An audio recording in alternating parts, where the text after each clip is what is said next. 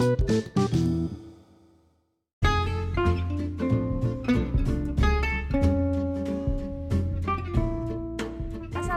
warahmatullahi wabarakatuh.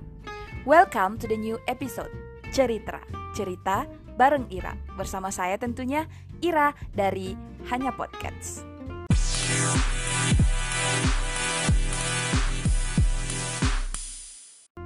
Oh iya, kalian apa kabar? Baik kan? Atau sedang kurang baik? Jika kondisi kalian kurang baik, aku doain ya, semoga kuat dan bisa melewati semuanya. Tapi aku yakin sih, kalian pasti kuat karena kalian hebat. Terima kasih untuk kalian yang udah mau mampir dan mendengarkan hanya podcast. Oh ya, karena hari ini segmen cerita, enaknya kita cerita tentang apa nih? Hmm, ya, tentunya kita akan bercerita tentang cerita yang harapannya lewat cerita ini kita bisa semakin dekat dengannya. Yuk, dengerin sampai akhir ya.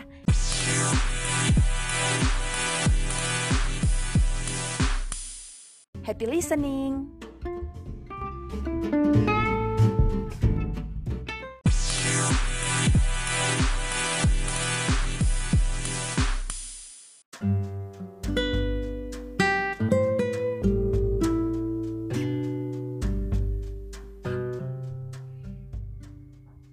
Ahlak seorang muslim.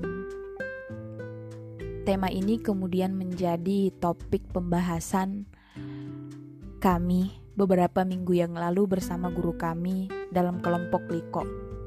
Kalau teman-teman listener belum tahu apa itu Liko, Liko itu adalah sebuah wadah belajar untuk kita belajar tentang Islam, mempelajari lebih dalam tentunya tentang ilmu-ilmu Allah. Dan pada episode kali ini, serial cerita akan berbagi sedikit tentang kesimpulan dari kajian tentang akhlak seorang muslim.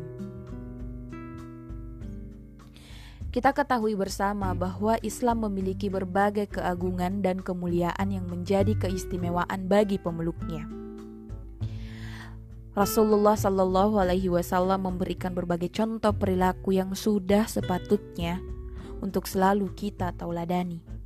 Berbagai pola dan tata krama dalam kehidupan yang diajarkan Rasulullah sudah selayaknya untuk kembali kita baca dan akhirnya laksanakan sebisa serta semaksimalnya kita. Mari kita kembali membudayakan sikap diri dan keluarga kita untuk memiliki idola yang benar, figur yang benar, serta kekasih yang benar. Ayo, kita garis bawahi idola yang benar, figur yang benar, serta kekasih yang benar. Kenapa ini perlu kita garis bawahi? Karena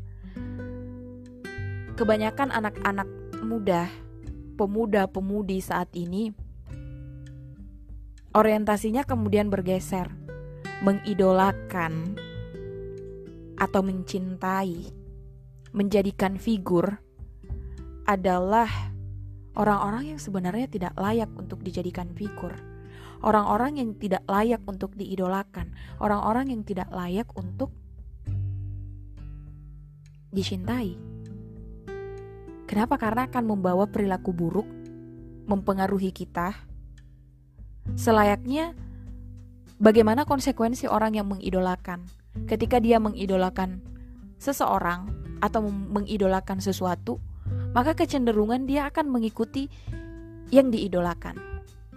Maka dari itu, ayo kita mengajak diri kita, diri kita pribadi, mengajak keluarga kita, saudara kita untuk kembali mengidolakan Rasulullah Sallallahu Alaihi Wasallam. Menauladani semua ajarannya yang tertuang di dalam sendi-sendi ajaran agama Islam. Kehidupan yang terus berputar pada tingkat kecerdasan yang semakin tinggi, sehingga menciptakan berbagai sistem kehidupan yang semakin canggih dan modern tidak akan mempengaruhi prinsip dan pola kita sebagai umat Islam yang memiliki konsep tersendiri yang sangat luar biasa.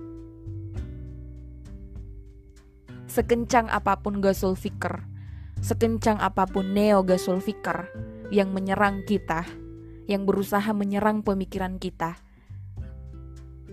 dengan harapan mereka bisa merusak pola pikir kita, yang pada akhirnya merusak pola perilaku kita, merusak akhlak kita.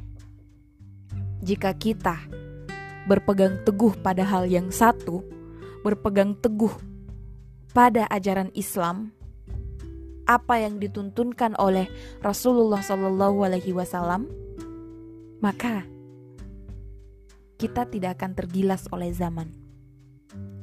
Jadi, mari kita tetap istiqomah di dalam koridor ajarannya dan tidak akan tergerus oleh zaman. Apa salah satu akhlak seorang muslim yang sangat mendasar? Salah satunya itu adalah sikap malu. Ya, malu. Sebagaimana hadis Rasulullah Shallallahu Alaihi Wasallam, beliau bersabda, sesungguhnya setiap agama memiliki akhlak dan akhlak Islam adalah rasa malu. Hadis riwayat Ibnu Majah. Ketika kita memiliki rasa malu, menanamkan dan menguatkan rasa malu di dalam hati kita.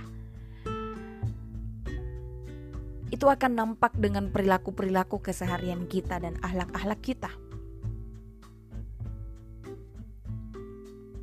Jadi, yuk tanamkan rasa malu. Semoga kita tetap bisa terus istiqomah dan memperbaiki ahlak-ahlak kita, terutama rasa malu. Karena jika kita ada rasa malu, kita akan malu untuk berbuat keburukan. Malu untuk berbuat maksiat, walau sekecil abu sekalipun. Malulah kepada Allah bahwa kita bukan siapa-siapa. Diri kita ini bukan siapa-siapa. Semoga Allah memudahkan langkah kita.